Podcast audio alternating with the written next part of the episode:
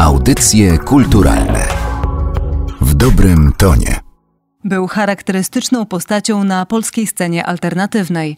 Współtworzył takie zespoły jak Kryzys, Brygada Kryzys, Izrael, Armia, Falarek czy Szum. Grał panka, reggae, dub i muzykę elektroniczną.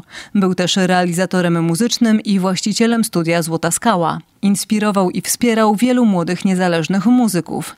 W audycjach kulturalnych wspominamy zmarłego 3 czerwca Roberta Brylewskiego.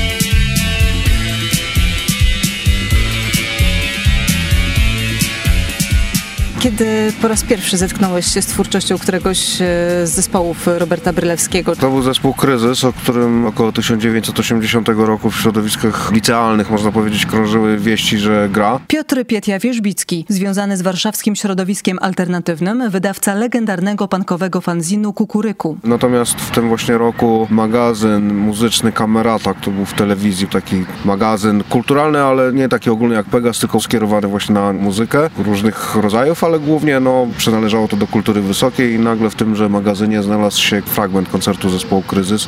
To był taki reportaż na temat e, tegoż zespołu i był tam też wywiad e, z Robertem Brylewskim. To wszystko było oczywiście utrzymane w takim tonie, był rozwydrzona młodzież, co z nią zrobić, dlaczego mają takie problemy, takiego zaciekawienia, prawda, co to jest, dlaczego taka forma i w ogóle.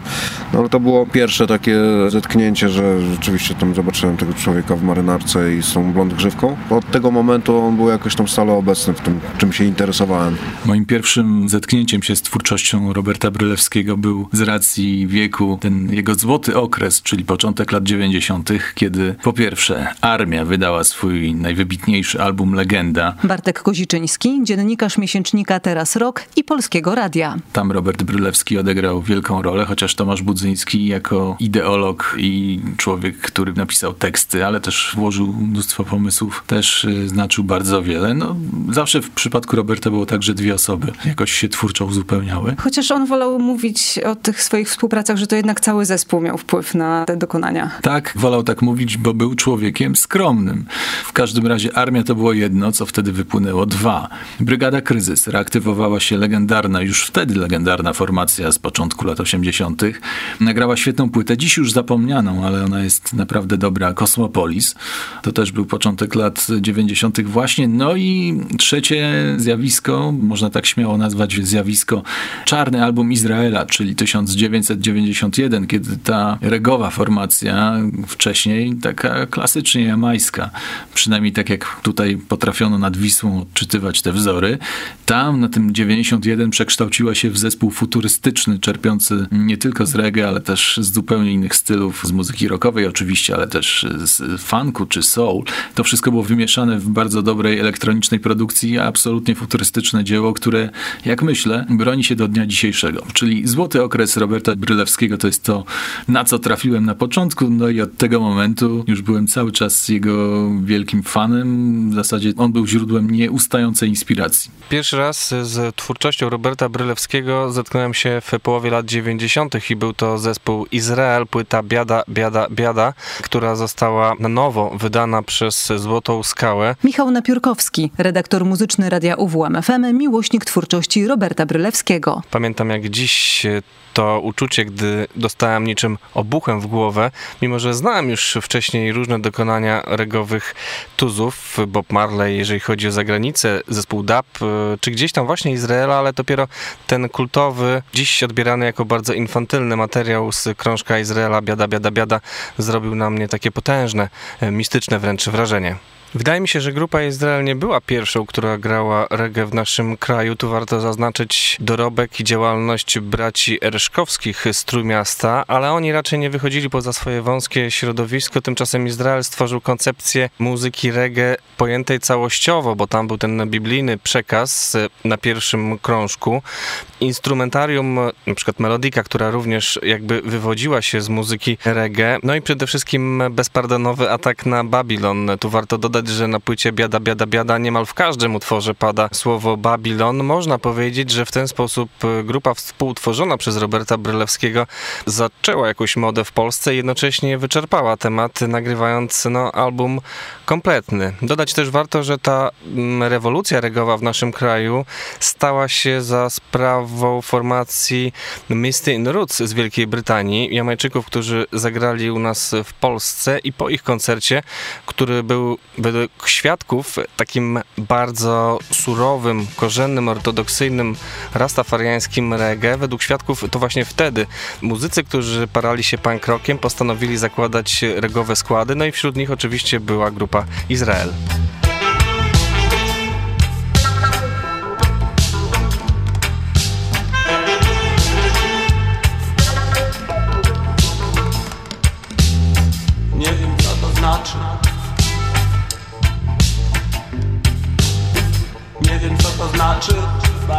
Babilonu Nie wiem co to znaczy budować wojnę. Nie wiem co to znaczy. Nie oglądaj się za siebie. Nie. Nie oglądaj się za siebie. Nasza kultura jest teraz My tworzyliśmy jakby ten najbardziej taki ortodoksyjny odłam sceny undergroundowej, prawda, fanzinowo, hardcore, punkowej i tak dalej, która mocno się izolowała od wszystkiego, ale to wszystko, w co Robert był zaangażowany, było zawsze bardzo szanowane. Znaczy, kryzys był uważany za taką podstawę w ogóle punk rocka. Może nie do końca słusznie, bo tak niektórzy określali to też jako nowa fala. To jest też tak szerokie pojęcie, bo pod nową falę podłączono i ska, i rockabilly, i cold wave, prawda, i mnóstwo innych rzeczy. Chodziło o to, że faktycznie to były zespoły, które wyrastały z tego pnia punk rockowego. No w każdym razie to był ten rdzeń, na którym tam się budowało potem inne rzeczy. Brygada Kryzys miała niesamowitą renomę ze względu na tą swoją czarną płytę, prawda, z 1982 roku. Natomiast e, bardzo doceniana na tej scenie była armia, wtedy kiedy powstała, no bo armia to już trochę później, 1985 rok, ale w zasadzie armia była po prostu no, takim zespołem uznawanym właśnie o, to jest taki hardcore punkowy zespół, który może troszeczkę działa na nieco innych zasadach, ale jest ok, prawda?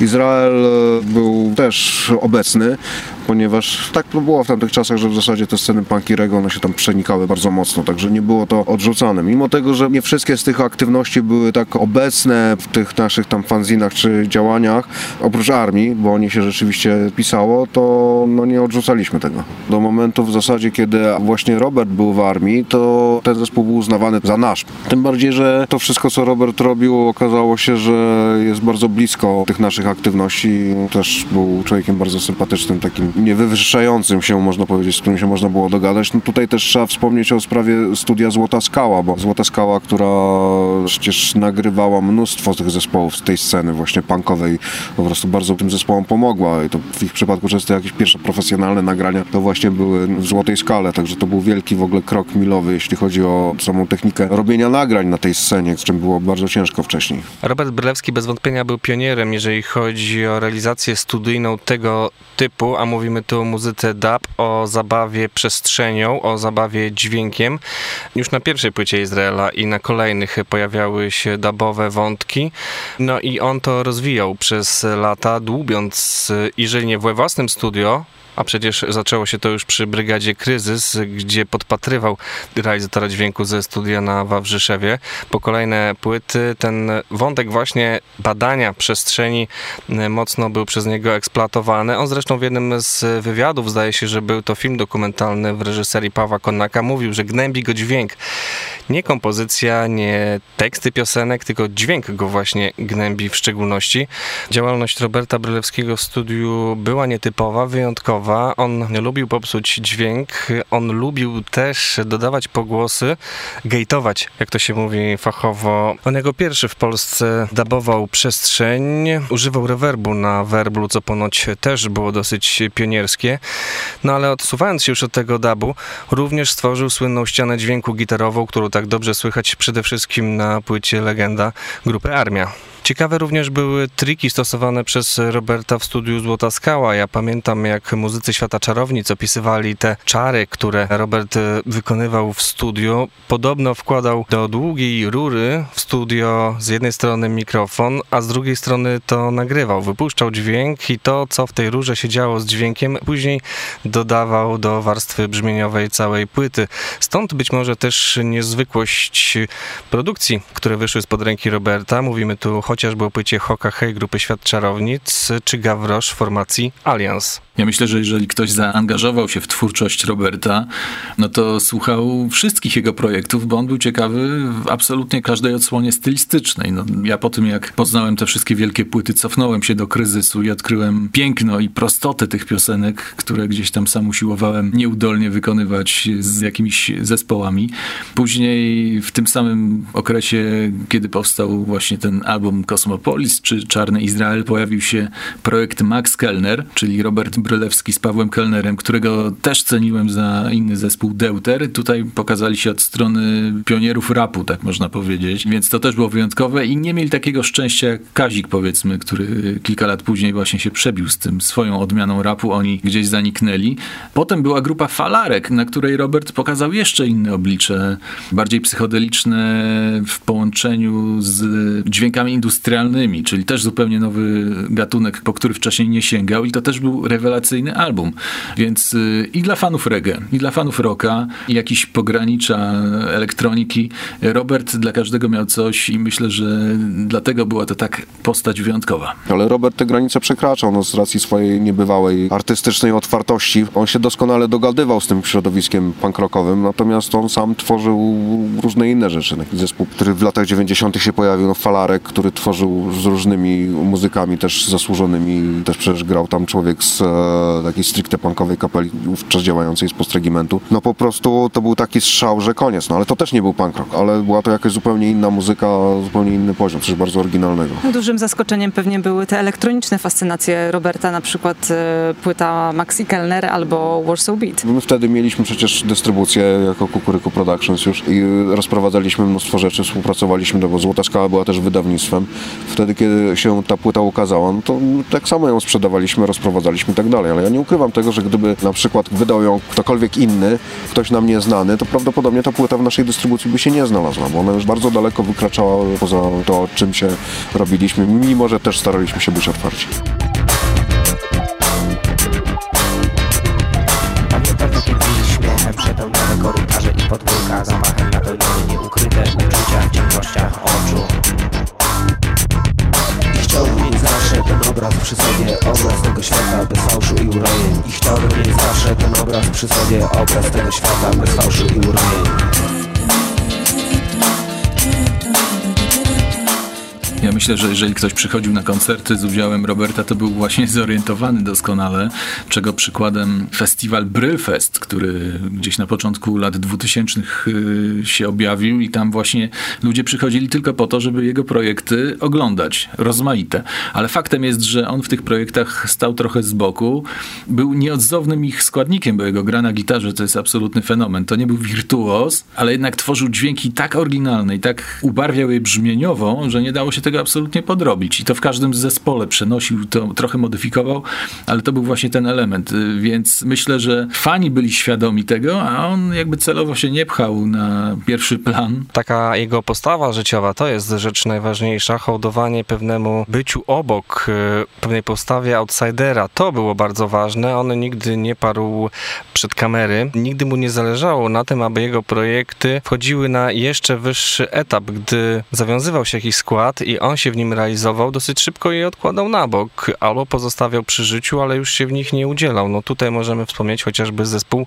Armia. Zespół Falarek, który przecież fantastycznie e, zadebiutował, nie był kontynuowany, bo wydaje mi się, że jednak Robertowi już nie zależało na tym aż tak bardzo.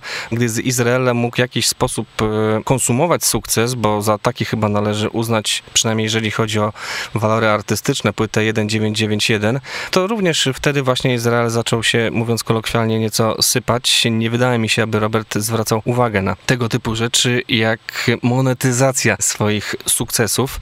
Podobnie zresztą było w poprzednich składach Brygada Kryzys czy Kryzys. Brak jakiejś większej woli, żeby kontynuować wbrew okolicznościom te projekty to właśnie jest jakaś wartość dodana, bo pokazywał innym muzykom, że nie trzeba za wszelką cenę kontynuować kariery. Trzeba być przede wszystkim sobą, przede wszystkim myśleć o tym, co z ciebie mogą wyciągnąć inni. Zawsze podkreślał w tych swoich wywiadach, że ograniczanie ego artysty to jest bardzo ważna sprawa.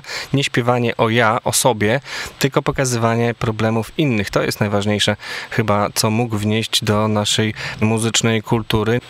To artysta, taki jak się mówi, artysta niezależny. W jego przypadku to naprawdę nie było to puste słowo. On w zasadzie robił rzeczywiście to, co wynikało z jego przekonań i zamiłowań i niczym innym się tam specjalnie nie przejmował, co niestety kończyło się też tym, że z drugiej strony to jego bogactwo, jeśli chodzi o twórczość i o jego talent, no nie przekładało się na sytuację życiową taką, która mu pozwalała normalnie egzystować. Materialnie nie był tak doceniony moim zdaniem, jak powinien być, bo to był po prostu człowiek, którego należałoby traktować jako dobro narodowe, no skarb w zasadzie, z tym jego talentem i z tym jego podejściem. Jakby przeminęła ta jego twórczość w sposób skandaliczny, moim zdaniem została niedoceniona i cieszę się, że tutaj rozmawiam z Narodowym Centrum Kultury, bo skoro choćby komercyjnie okej, okay, no nie jest on Sławomirem i wiadomo, że jego płyty nawet teraz wznowione nie sprzedałyby się w milionach egzemplarzy, ale gdyby ktoś zainwestował choćby właśnie z takich instytucji kulturalnych, na przykład w dzieła zebrane, troszkę dofinansował, żeby to utrwalić dla potomnych, utrwalić jego dorobek, też ten graficzny, wizualny, wszystko to, co robił dookoła. On sam starał się coś takiego zorganizować, taką fundację, która zbierałaby te wszystkie rzeczy. Do tego nie doszło no, z racji tych jego kłopotów życiowych. Gdyby to teraz ktoś wszystko zebrał, i muzycznie, i pod każdym innym względem, byłoby bardzo dobrze i myślę, byłaby to dla kultury bardzo ważna instytucja. Z mojej perspektywy Robert Brylewski nigdy nie patrzył na to, ile mu dany projekt, dany zespół może dać. Dlatego tak chętnie przyłączał się do zupełnie innych składów, w których on pełnił rolę drugoplanową, można powiedzieć. Był na przykład tylko gitarzystą. Nagrywał i grał ze światem czarownic. Pamiętam jego koncert na Mazurach pod koniec lat 90., kiedy trzeba przyznać, nadawał nowy wymiar punkowo-hardkorowej formacji Świat Czarownic. Potem znalazł się w Zagłębiu, skąd pochodził jego ojciec.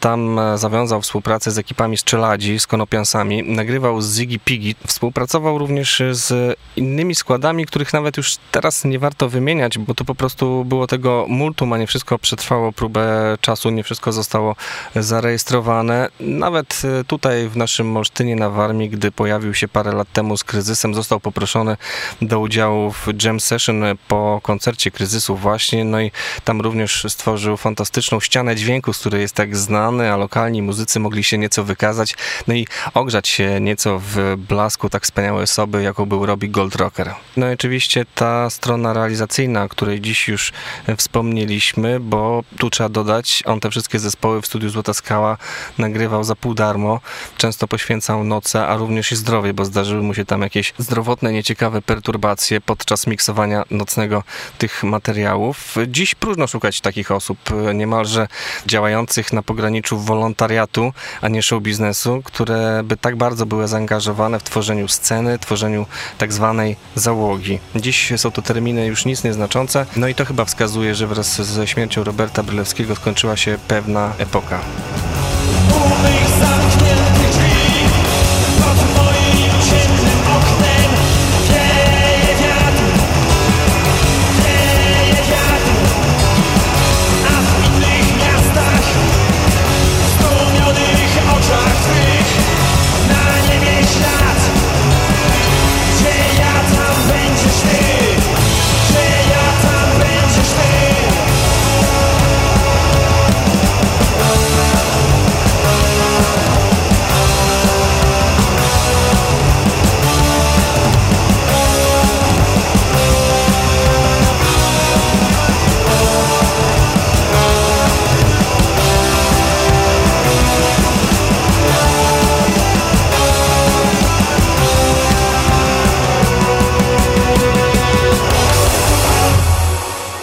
Materiał przygotowała Magdalena Miszewska.